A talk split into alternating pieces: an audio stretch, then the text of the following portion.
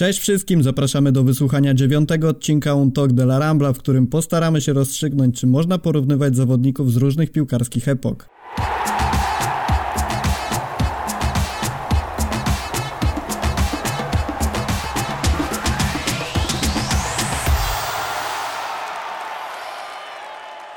Są dzisiaj ze mną Magdalena Rudnicka. Cześć. A także Maciej Łoś. Cześć. Zanim zaczniemy, przypominam o hashtagu UTDLaRambla. Oznaczajcie nim swoje komentarze odnoszące się do tematów poruszanych w podcaście, a jeżeli macie pomysł na tematy kolejnych odcinków, również dajcie nam znać. W dzisiejszym odcinku porozmawiamy sobie o tym, czy można porównywać zawodników z różnych piłkarskich epok, tak jak już mówiłem na wstępie. Myślę, że to jest dość popularny temat, dlatego warto, żeby skonfrontowały się dzisiaj osoby o przeciwstawnych poglądach. Magda, popraw mnie jak się mylę, ale wydaje mi się, że ty uważasz, że można porównywać piłkarzy między epokami. Tak, ja dzisiaj będę po tej stronie, przy czym w sumie chciałam zaznaczyć, że dla mnie to jest taka kwestia, która nie jest tak naprawdę i nigdy nie będzie jednoznaczna, więc ja nie stoję jakoś bardzo twardo na swoim stanowisku. Po prostu widzę argumenty z jednej i z drugiej strony i te, które dzisiaj ja będę w większości przedstawiać, są tymi, które jednak skłaniają się do tego, że można, może nawet się powinno porównywać. A po drugiej stronie barykady jest Maciej. Zgadza się? No tak, tak. Ja uważam, że e, piłka nożna to ponad 150 lat tradycji, ewolucji, zmian przepisów i zupełnego, zupełnej zmiany e, stylu, dlatego według mnie nie da się porównywać zawodników, którzy grali, grali nawet 30 e, czy 40 lat temu z, z piłkarzami współczesnymi. No dobra, to zacznijmy w takim razie może od Magdy. Magda, ja mam dla ciebie taki cytat. Boisko było bardzo nieregularne i suche, nie pozwoliło nam na grę w naszym stylu, nie byliśmy w stanie wymienić 3-4 podań z rzędu. Wiesz kto to powiedział? Xavi. Xavi, po meczu z Realem Valladolid w 2014 roku. I jeżeli Xavi w 2014 roku mówi, że trudne boisko nie pozwoliło im wymieniać, wymieniać podań, to jak można porównywać zawodników z piłkarzami, którzy grali na tak fatalnych murawach, że w ogóle nie umywają się do dzisiejszych czasów. A ja bym to jeszcze w ogóle zaczęła i ugryzła od innej strony, bo naszym tematem jest to, czy można porównywać piłkarzy z różnych epok. A jak definiujemy epokę przede wszystkim? Bo moim zdaniem to jest ważne. Gdzie byśmy postawili tą cezurę, kogo można porównywać, ile to lat musi upłynąć, żeby dało się to robić. Co prawda chciałem przejść do tego dalej, ale skoro już odkryłaś moje karty na następną część podcastu, to, to może skierujemy to pytanie do Maćka. E, no właśnie Maciek, jak uważasz, jaki jest ten przedział czasowy, który rozgranicza epoki piłkarskie? Znaczy, no to myślę, że zależy od ludzi, którzy, którzy o tym rozmawiają, bo można na przykład liczyć dekadami, można liczyć epokami wielkich zawodników, że na przykład epoka Cruyffa, epoka e, Pelego, epoka Messiego. E, także no tu jest, wydaje mi się, że jest dowolność, no bo nikt, nikt nie ustali takich sztywnych ram, bo to jest po prostu niemożliwe. Ta piłka nożna cały czas się rozwija ale no nie ma takich powiedzmy sztywnej daty, że o, od tego dnia zaczyna się nowa, e, nowa epoka w piłce nożnej, dlatego no, to, jest, to, to jest dość trudne i ja bardziej się skłaniam ku tej opcji epoka danego, danego wielkiego piłkarza i, i w ten sposób patrzeć na to, że nie patrzymy, nie patrzymy na od 2010 do 2020, tylko właśnie e, spójrzmy na to, kto, kto w tamtym okresie rządził. Czyli na przykład właśnie, no według mnie teraz jest epoka, epoka Messiego. Magda? To ja może będę dalej, dalej prowadzącym i jeszcze jedno pytanie Maćkowi zadam, przedłużające ten temat. Czy można porównywać na przykład Czawiego z Arturem, twoim zdaniem? E, według mnie tak, bo jednak różnica, różnica lat, w których grali, grali Czawi i gra obecnie, obecnie Artur, nie jest zbyt duża. E, piłka nożna na pewno się nie zmieniła od, od, tego czasu tak wiele. No, powiedzmy, wprowadzono VAR, ale czy to jest taka, taka innowacja, która, która zmieniła zupełnie postrzeganie piłki nożnej i rzeczywiście e, wpłynęła na, na grę poszczególnych piłkarzy? No nie wydaje mi się. Artur przyszedł na na pozycję Czawiego i miał być poniekąd jego, jego następcą, dlatego wydaje mi się, że można, można patrzeć, e, patrzeć przez pryzmat, e, na Artura przez pryzmat tego, co robił kiedyś Czawi. I ja się z tym zgodzę, chociaż uważam, że można ich porównywać tylko technicznie, bo piłkarsko nadal mają do siebie daleko, ale no Magda, co o tym sądzisz? No ale wiesz, tutaj mówimy, Rafał, tak jakby właśnie o porównaniu pod względem takim, no, kto był lepszy, wiadomo. No i właśnie, ja się z tym jak najbardziej zgadzam, że tych piłkarzy można porównywać i tak jak wspomniałem na początku, wręcz trzeba ze względu na to, że drugi gdzieś tam jest rysowany jako następca Czawiego, prawda? Jako ten zawodnik, który miałby przejąć te obowiązki, które kiedyś Hernandez wykonywał w Barcelonie. Tylko teraz spójrzcie, jeżeli mówimy, że nie ma tej cezury, to przypomnijcie sobie w tym momencie na przykład taki mecz słynny Manita z Realem, 2010 rok, Mourinho, Cristiano odpychający Guardiolę i tak dalej, nie? Kojarzy nam się. I powiem wam tak, że upłynęło 10 lat od tego meczu. To jest i dużo i mało, moim zdaniem wspominaliśmy o dekadach, więc upłynęła dekada, ale jakbyście sobie teraz odpalili ten mecz, polecam, bo raz na jakiś czas, jak do niego wracam, to w ostatnim czasie spójrzcie, jak wyglądają różnice chociażby przestrzeni na boisku, którymi dysponowali wówczas piłkarze, a które są teraz które miał do dyspozycji Messi, które miał do dyspozycji Xavi, Iniesta. W tamtym momencie, gdzie rozpoczynała się tak naprawdę gra Barcelony, Guardioli, no wiadomo, już dwa sezony poleciały, ale wciąż jeszcze to było coś nowego, coś, co się w ogóle pojawiło na hiszpańskiej, europejskiej mapie piłki. Było zwyczajnie świeże, było nieprzewidywalne. Przeciwnicy nie byli jeszcze na to przygotowani. Natomiast wraz z upływem kolejnych sezonów i to nawet bardzo szybko, postawa przede wszystkim obrońców i, i jeszcze linii tutaj środkowej pomocy w całej La Lidze bardzo się zmieniła. Obecnie nie ma takich przestrzeni, nie ma takich uliczek. Ktoś musiałby naprawdę bronić w taki zupełnie otwarty sposób, i myślę, że wszyscy to wiemy, że gdzieś drużyny dopasowały się do tego stylu Barcelony. Czy w związku z tym można porównywać Czawiego i Artura? Uznaliśmy, że można, ale z drugiej strony pod tym względem, mimo że nie upłynęło wiele lat, oni są w zupełnie innych warunkach. Ja uważam też, że są piłkarze i są drużyny, które są takimi katalizatorami, jeżeli chodzi o to, jak rozwija się taktyka, jak rozwija się futbol w danych ligach, w danych drużynach bo oczywiście przez cały czas, odkąd istnieje ta dyscyplina, to się zmieniało, zmieniało się bardzo, zarówno pod względem przepisów, jak też i pod względem taktyki. No, kiedyś większość zawodników to byli napastnicy, to jest coś, co jest dla nas teraz w ogóle niewyobrażalne. Ale te zmiany ogólnie na świecie, tak samo jak we wszystkich innych dziedzinach, kiedyś zachodziły wolniej, teraz ze względu na technologię, na naukę, na wszelkie możliwości techniczne, jakie posiadamy, na możliwość wymiany informacji przede wszystkim, zachodzą szybciej. I myślę, że kiedyś różnica na przestrzeni 30 lat była bardzo nieduża, jeżeli chodzi o warunki, natomiast teraz różnica na przestrzeni nawet kilku sezonów może być już bardzo duża.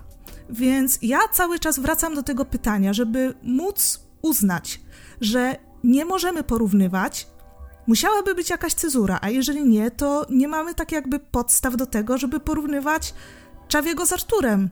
Mm, a czy ty w ten sposób trochę nie zaczynasz bronić zdania Maćka? Nie, to znaczy ja nie bronię żadnego zdania. Okej, okay, rozumiem. No Ma Maciek, jak się odniesiesz?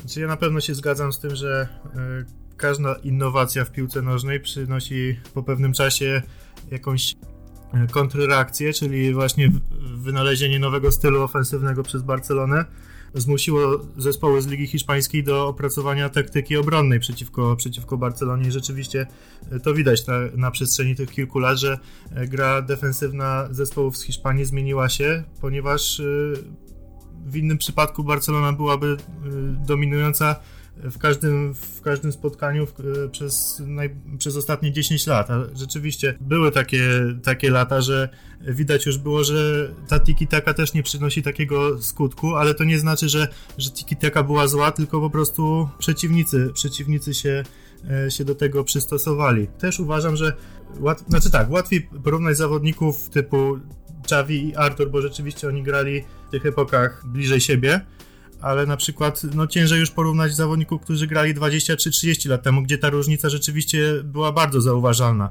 A jeśli te, te różnice widać już przy, przy kilku latach przy, przy Czawim i Arturze, no to, to rzeczywiście sens porównywania Pelego z Messim jest, jest bezzasadny, bo, bo te dyscypliny sportu w takim razie różniły się bardzo. I ja tu się, tu się z Maćkiem zgodzę, ale, ale mów Magda, bo, bo słyszę, że masz coś ciekawego dla nas. Tak, bo ja chciałam po prostu cały czas pójść jakieś kolejne warstwy głębiej na temat tego w takim razie, kogo można porównywać. Bo stajemy moim zdaniem tutaj przed kolejnymi dylematami, czyli na przykład, czy można porównywać Messiego i Ronaldo? Wiadomo, że są głosy, które mówią nie, stanowczo nigdy nie można.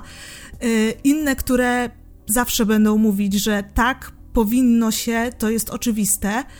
Yy, do czego tutaj Mówisz o, przepraszam, o Cristiano. Tak, tak, tak. Mówię o Cristiano. Do czego tutaj zmierzam? Do tego, że jest mnóstwo czynników, które rozróżniają ich, rozróżniają ich grę i ich możliwości, tak? Takie jak chociażby pozycja, obowiązki na boisku, nie wiem, możliwości fizyczne, inna budowa ciała i tak dalej, i tak dalej.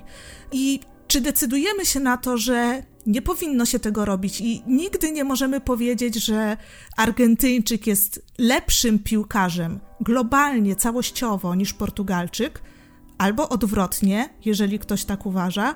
Ja bym zeszła jeszcze dalej. Jeżeli mamy dwóch napastników, którzy w tym samym momencie grają, prawda? Czy można porównywać dwóch napastników, jeżeli oni również mogą grać na przykład w różnych drużynach, mieć różne obowiązki na boisku, mieć różne warunki fizyczne, mieć różne warunki rozwoju, bo tutaj też odnosiliście się do tego, że na przykład jest kwestia sprzętu, prawda? Dostosowania murawy, dostosowania obiektów, tego, jak jest przeprowadzany trening, tego, w jaki sposób ktoś się chociażby odżywia. Co definiuje, że te osoby są wystarczająco zbliżone sytuacją, żeby można było skonfrontować i powiedzieć: Ty jesteś lepszy, ty jesteś jednak gorszy, a kiedy nie. Znaczy, patrząc od takiego podejścia czysto kibicowskiego, zabranie możliwości e, porównywania zawodników zabrałoby taką największą frajdę w piłce nożnej, bo rzeczywiście takie zdrowe podejście kibicowskie e, porównywanie, porównywanie e, swoich najlepszych zawodników e, z, z, najlepszymi zawodnikami przeciwnika, to jest po prostu coś, co, co każdy kibic lubi i to nie ma w tym nic złego. Ale no rzeczywiście, jeśli wchodzimy na taką, na taką strefę e, jakichś poważniejszych rozważań, czy rzeczywiście piłkarze z przeszłości byli lepsi od, od teraźniejszych, czy odwrotnie, no wydaje mi się, że, że tych czynników jest zbyt dużo, żeby zachować jakiś obiektywizm, żeby, żeby wszystko można było można było wziąć pod uwagę, bo na przykład e, jeśli spojrzymy chociażby na to, e, ile biegali piłkarze w latach 50., 60., no to były e, najlepsi zawodnicy pokonywali 3, 4, 5 km w czasie meczu, a teraz piłkarze biegają po 12, 13. No jak porównać, porównać piłkę nożną z, właśnie z, z połowy XX wieku do, do czasów obecnych? No wydaje mi się, że, że te różnice są zbyt duże. Będę, będę cały czas stał przy tym, że, e, że mimo wszystko e, nie można porównywać, porównywać piłkarzy z różnych epok. Jasne, tylko wiesz co, bo mi się trochę wydaje, że teraz przechodzimy na taką kwestię, że porównujemy zawodników z jednej epoki, którzy mają dostęp do praktycznie bardzo zbliżonych możliwości, czy to treningowych, czy to rozgrywania meczów. A jakby chciałbym się skupić na tym, że tą zmienną, która różnicuje zawodników będzie czas. I no porównując Messiego i Cristiano jakby wiesz, Messi ma dostęp do bardzo podobnych obiektów treningowych, do bardzo podobnych metod szkoleniowych, y, żywieniowych, tak jak wspominałaś. Dodatkowo rozgrywają na przykład mecze w, na, na tych samych zasadach, na tych samych przepisach, a na przykład mam tutaj wynotowane, że na przykład możliwość zmian wprowadzono dopiero w 58 roku. W 70 roku wprowadzono żółte i czerwone kartki. W 90 roku były zmiany dotyczące spalonego, a w 92 bramkarze przestali mieć możliwość łapania piłki od, od swoich zawodników. Ja bym się skupił jednak na tym, bo czy uważasz, że w takim razie te zmiany, jakie zostały wniesione do piłki, bądź co bądź bardzo duże zmiany, znacznie determinujące sposób rozgrywania meczów, nie przeszkadzają w porównywaniu na przykład Pelego do Messiego. Ja odniosłam się do tego, o czym mówiłam, czyli podając przykłady piłkarzy, którzy grają w tym samym czasie, właśnie po to, żeby wskazać, że oczywiście dzisiaj rozmawiamy o tym czynniku, jakim jest czas, prawda? Ale to jest tylko jeden z wielu czynników. I to trzeba wziąć pod uwagę, bo jeżeli weźmiemy tylko to i wywalimy całą resztę, to po prostu cała ta analiza tak naprawdę nie ma sensu, bo abstrahując od kwestii właśnie przepisów i kwestii takich możliwości technicznych, dojdziemy do tego, że ktoś miał takie możliwości zdrowotne, że na przykład Messi chociażby brał hormon wzrostu, kiedyś nie mógłby go brać. I do jeszcze dalszej gdybologii. Co by było, żeby ktoś na przykład yy, nie popadł w narkotyki i imprezy? Moim zdaniem takie podejście, w którym wybieramy sobie jeden argument i uważamy, że to można porównać i można do siebie odnieść, a inne ignorujemy, jest tak jakby ślepą uliczką. I ja nie uważam, że podejście, że nie można porównywać piłkarzy z różnych epok jest złe. Ono jak najbardziej jest dobre. E, tylko myślę, że przy nim jest trudno o konsekwencje. I jeżeli pytasz chociażby o Messiego i o Pelego, to jest taki, myślę, też sztandarowy przykład, albo troszeczkę jeszcze bliżej Messi i Maradona, to moim zdaniem porównywać powinniśmy tak naprawdę pomiędzy sobą wszystkich z uwzględnieniem tego tła. I tego w inny sposób nie da się przeprowadzić, bo jestem tego totalnie świadoma, że gdzieś na początku powstania futbolu to była piłka, która była po prostu świńskim pęcherzem ze skóry, który leciał przypadkowo totalnie, bo była nierównomierna, trajektoria lotu nie istniała i kopało się całkowicie przypadkowo, ale gdzieś od tych czasów, odkąd jesteśmy w stanie zobaczyć nagrania i możemy skonfrontować ze sobą jednego i drugiego piłkarza, to ja uważam, że trzeba po prostu porównywać w odniesieniu do danych warunków. Okej, okay, Magda, czyli tak kompresując to, co powiedziałaś, e, bo myślę, że to jest bardzo ważne, żeby podsumować to takim jednym, dwoma zdaniami, uważasz, że zawodników można porównywać, tylko trzeba mieć cały czas świadomość tego, że te czasy, ta otoczka cała i różne warunki wpływały na ich formę. Zgadza się? Tak, oczywiście, że tak, bo do, po prostu moim zdaniem inaczej dojdziemy do tego momentu, że gdzieś będziemy nieuczciwi, bo nie ma tej cezury i powiemy tu można, a tam nie można.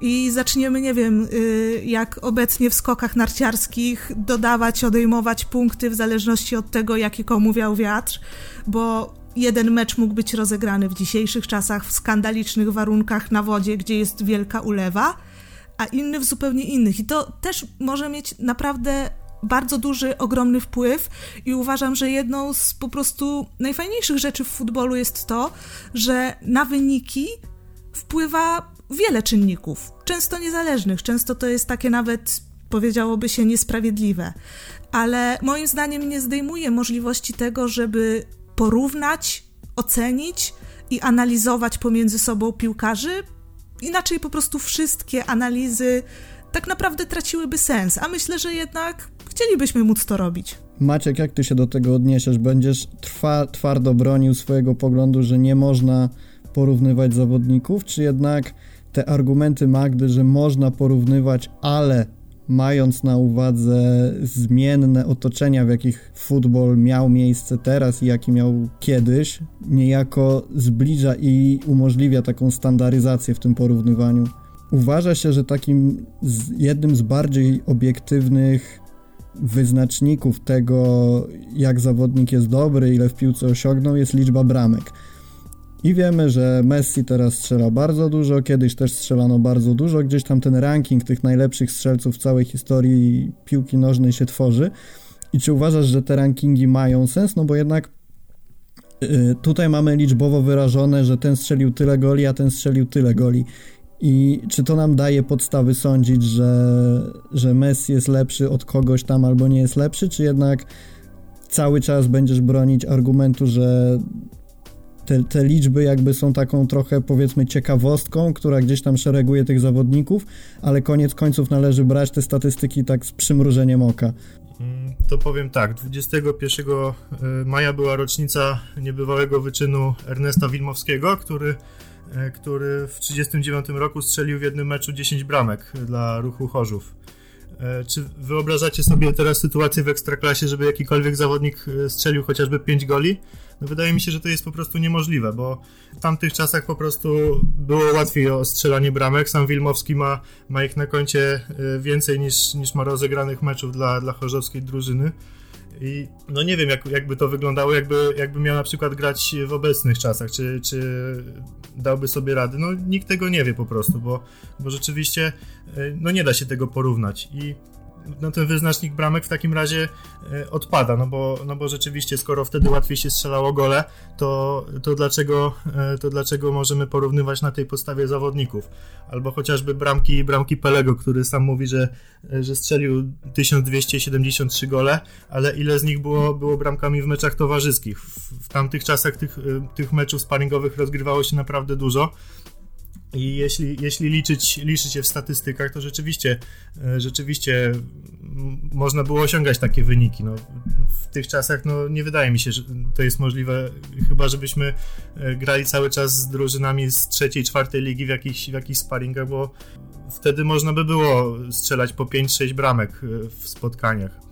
Albo chociażby, chociażby to, że na przykład Pele grał w, w lidze brazylijskiej, a nie, a nie w Europie, gdzie też poziom na pewno, na pewno nie był taki sam. No mimo wszystko ciężko, ciężko patrzeć na to, żeby, e, żeby można było odnieść się do tego, czy, czy bramki rzeczywiście są takim wyznacznikiem. No, owszem, jest to najważniejsza statystyka w futbolu, ale czy jest ona sprawiedliwa? No, nie wydaje mi się.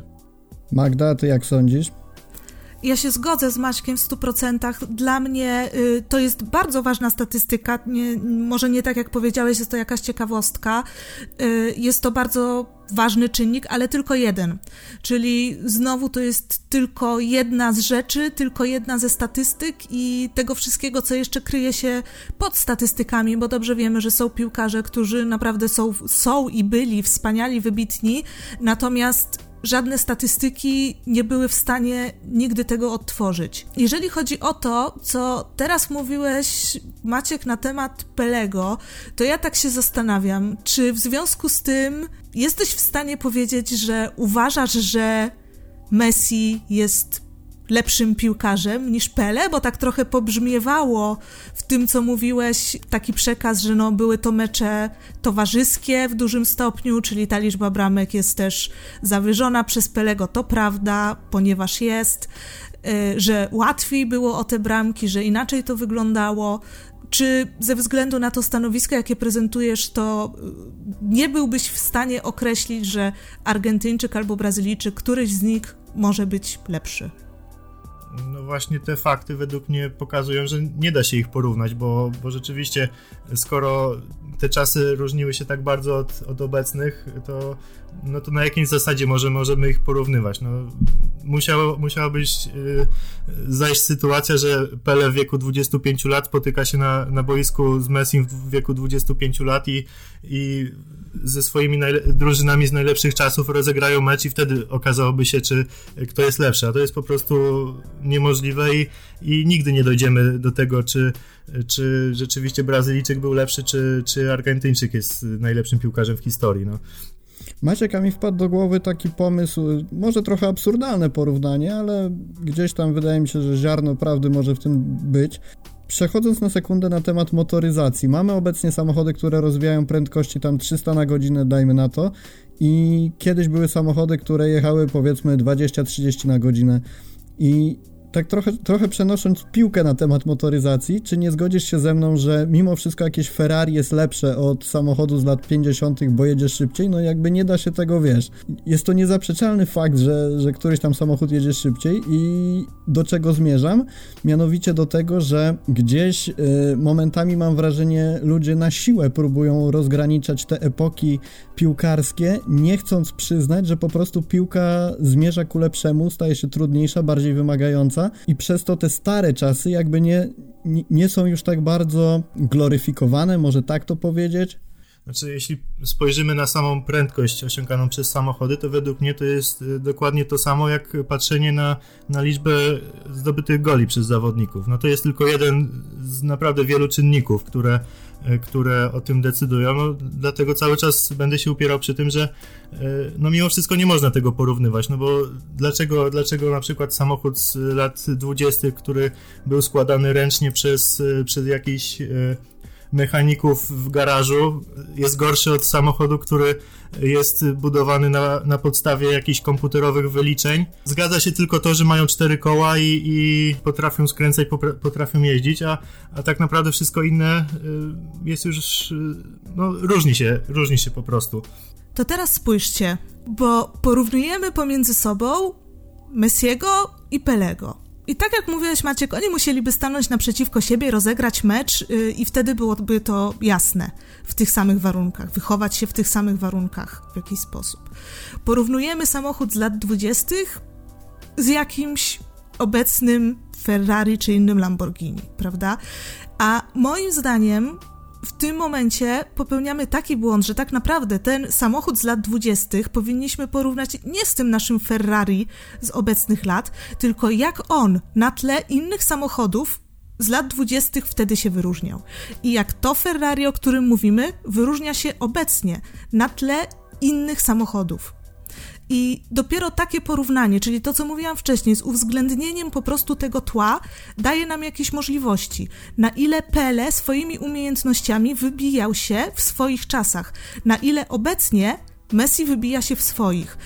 Ja jednak skłaniam się ku temu, że gdzieś nie jestem w stanie po prostu sobie odebrać takiego przekonania o tym, że Messi jest najlepszym piłkarzem, jaki grał, jakiego ja widziałam gdziekolwiek zarejestrowanego, bo to jeszcze jest kwestia tego, prawda, że oczywiście mamy całkiem sporo historii futbolu, która w żaden sposób zarejestrowana nie jest i być może był gdzieś ktoś, kto był naprawdę najlepszy, może nawet nie zrobił wielkiej kariery, ale był wspaniałym piłkarzem.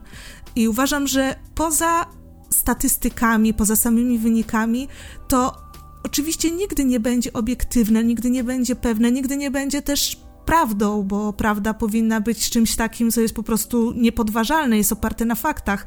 Natomiast to, o czym mówimy, to jest pewien eksperyment myślowy. I ja uważam jestem przekonana, że gdyby takiego Messiego z dzisiejszych czasów przenieść, gdyby urodził się wtedy i jego kariera potoczyłaby się podobnie, to jego możliwości, wrodzony talent, umiejętności, technika byłyby wyższe niż Pelego ale w żadnym momencie tego typu porównania nie będą czymś, co możemy dać jako jakiś taki ostateczny, obiektywny argument. Na pewno nigdy do tego też w żaden sposób naukowy nie dojdziemy, nigdy tego nie policzymy i myślę, że mimo, że teraz jest łatwiej porównywać pomiędzy sobą zawodników, którzy nawet grają w tym samym czasie, to też do aż takiej standaryzacji, żeby gdzieś to uchwycić, wyliczyć, yy, pokazać w cyferkach, nie dojdziemy. Dlatego moim zdaniem to są takie bardzo miękkie rzeczy, na które bardzo wpływają różne czynniki i zawsze ostatecznie dojdziemy do tego, że musimy się oprzeć na tym, co my po prostu widzimy na boisku, jak to postrzegamy, jak uważamy i do takiej troszeczkę naszej opinii, która może nawet nie być poparta solidnym argumentem statystycznym, z jakiejś analizy taktycznej, tylko zwyczajnie takim kibicowskim, piłkarskim odczuciem tego, co tak się może trochę śmiesznie i dziwnie nazywa, ale optyką gry. Ktoś miał przewagę optyczną. Dla mnie optyczną przewagę Messi ma nad Maradoną czy nad Pelem. Ja jeszcze słowem podsumowania powiem swoje zdanie na ten temat. Uważam, że obecnie piłka nożna jest sportem bardziej wymagającym, trudniejszym od piłki, jaka była prezentowana w minionych już epokach i bez względu na to, jakie rozpatrujemy, czy pod kątem dziesięcioleci, czy wielkich zawodników, czy, czy w jakikolwiek inny sposób, jaki sobie podzielimy, wysiłek, jaki piłkarze muszą wkładać w, w rozwój, w to, jak piłka staje się coraz bardziej sportem profesjonalnym, zajmującym często całą dobę zawodnikowi, po prostu sprawia, że że zawodnicy dzisiaj mają trudniej i ten częsty argument, że gdyby przeniesiono, zamieniono zawodników z dzisiejszej epoki z tymi z minionych i na odwrót, to uważam, że po prostu ci z dzisiejszych czasów, tak mówiąc oczywiście czysto hipotetycznie, lepiej by sobie poradzili niż, niż ci, którzy powędrowaliby w drugą stronę. Natomiast gdzieś rozumiem argumenty zarówno twoje Magda, jak i Maćka, bo, bo gdzieś obydwoje myślę macie rację. Natomiast jestem ciekawy, co na ten temat sądzą nasi słuchacze i mam nadzieję, że dadzą nam znać w komentarzu, chyba że jeszcze, jeszcze coś chcecie dodać od siebie. Znaczy, y, wydaje mi się, że właśnie kwestia, kwestia oceny porównywania zawodników powinna zostać tylko y, w kwestii, w kwestii kibiców, bo rzeczywiście tak, ja tak zauważyłem na przykład, że starsze osoby lepiej wspominają czasy, w których y, sami byli młodzi, niż, niż, y, niż te czasy obecne i rzeczywiście większość, większość osób, które pamiętają Pelego, pamiętają Maradonę, powiedzą, że, że to oni byli lepsi. Rzeczywiście, bo powiedzmy Brazylijczyk nigdy nie powie, że, że to Messi jest najlepszy w historii, czy Maradona, tylko zawsze, zawsze powie, że to, że to będzie Pele. Tak samo chociażby ostatnio Michael Balak powiedział, że e, Van Dijk ma szczęście, że nie grał, nie grał za czasów, gdy w Premier League brylowali Drogba, Henry czy, czy Van Persie. Ale no, wydaje mi się, że to było takie trochę... Chciał, chciał podkreślić wagę swojej epoki, w której on grał, że, że wtedy było trudniej, wtedy, e, wtedy napastnicy byli, byli lepsi, ale no właśnie, czy, czy rzeczywiście Sergio Aguero jest gorszy od Didiera Drogby? Sergio Aguero, który jest najlepszym e, obcokrajowcem pod względem ilości bramek w Premier League, no też ciężko to e, porównać obydwu zawodników. No i mm, także no, obiektywizmu nigdy w tym nie będzie i rzeczywiście, ale też odbieranie, odbieranie kibicom możliwości porównywania byłoby e, po prostu zabójstwem dla futbolu. Magda, jakieś krótkie zdanko na koniec? Tak, bo, bo Maciek powiedział bardzo ważną rzecz i w sumie ja to samo chciałam dodać, że gloryfikujemy czasy, których byliśmy młodzi, byliśmy lub jesteśmy. I rzeczywiście te pokolenia, które wychowały się na danym piłkarzu, one przeżywały te mecze, a my patrzymy na to zupełnie inaczej. To są bohaterowie danych czasów. Dla kogoś, kto oglądał Pelego, jeszcze kto był Brazylijczykiem, to musiało być coś niesamowitego, tak samo jak dla nas teraz jest przeżywanie meczów Messiego. I myślę, że to, że to też jest spoko, że to też jest w porządku i też jest na swój sposób piękne i że pewnie my za parędziesiąt lat, jeżeli zobaczymy kogoś, kto będzie naprawdę totalnym kosmitą na boisku, będzie wyczyniał cuda i obiektywnie rzecz biorąc będzie lepszy niż Messi, to może nam być jednak trudno to przyznać, ze względu na to, że po prostu te nasze dobre, złote czasy przypadły właśnie wtedy i to jest zwyczajnie bohater z naszej perspektywy. To ja jeszcze na koniec, żeby nie było, że nasz tytuł jest tylko i wyłącznie clickbaitowy, odpowiadam Zdecydowanie Messi jest nad Maradoną i dziękujemy za wysłuchanie podcastu. Była dzisiaj ze mną Magdalena Rudnicka. Dzięki. A także Maciej Łoś. E, dziękuję bardzo. Ja nazywam się Rafał Kowalczyk i na koniec jeszcze raz przypominam Wam o używaniu hashtagu UTDLaRambla. Zamieszczajcie go w swoich postach, komentarzach, na Twitterze, na Rambli, na YouTubie, na pewno znajdziemy wtedy Wasze wpisy. Nie zapomnijcie o subskrypcji kanału, łapkach w górę, podzieleniu się podcastem z innymi fanami piłki nożnej. Zapraszam na portal fcbarsa.com i co? I słyszymy się w kolejnym odcinku. Do usłyszenia.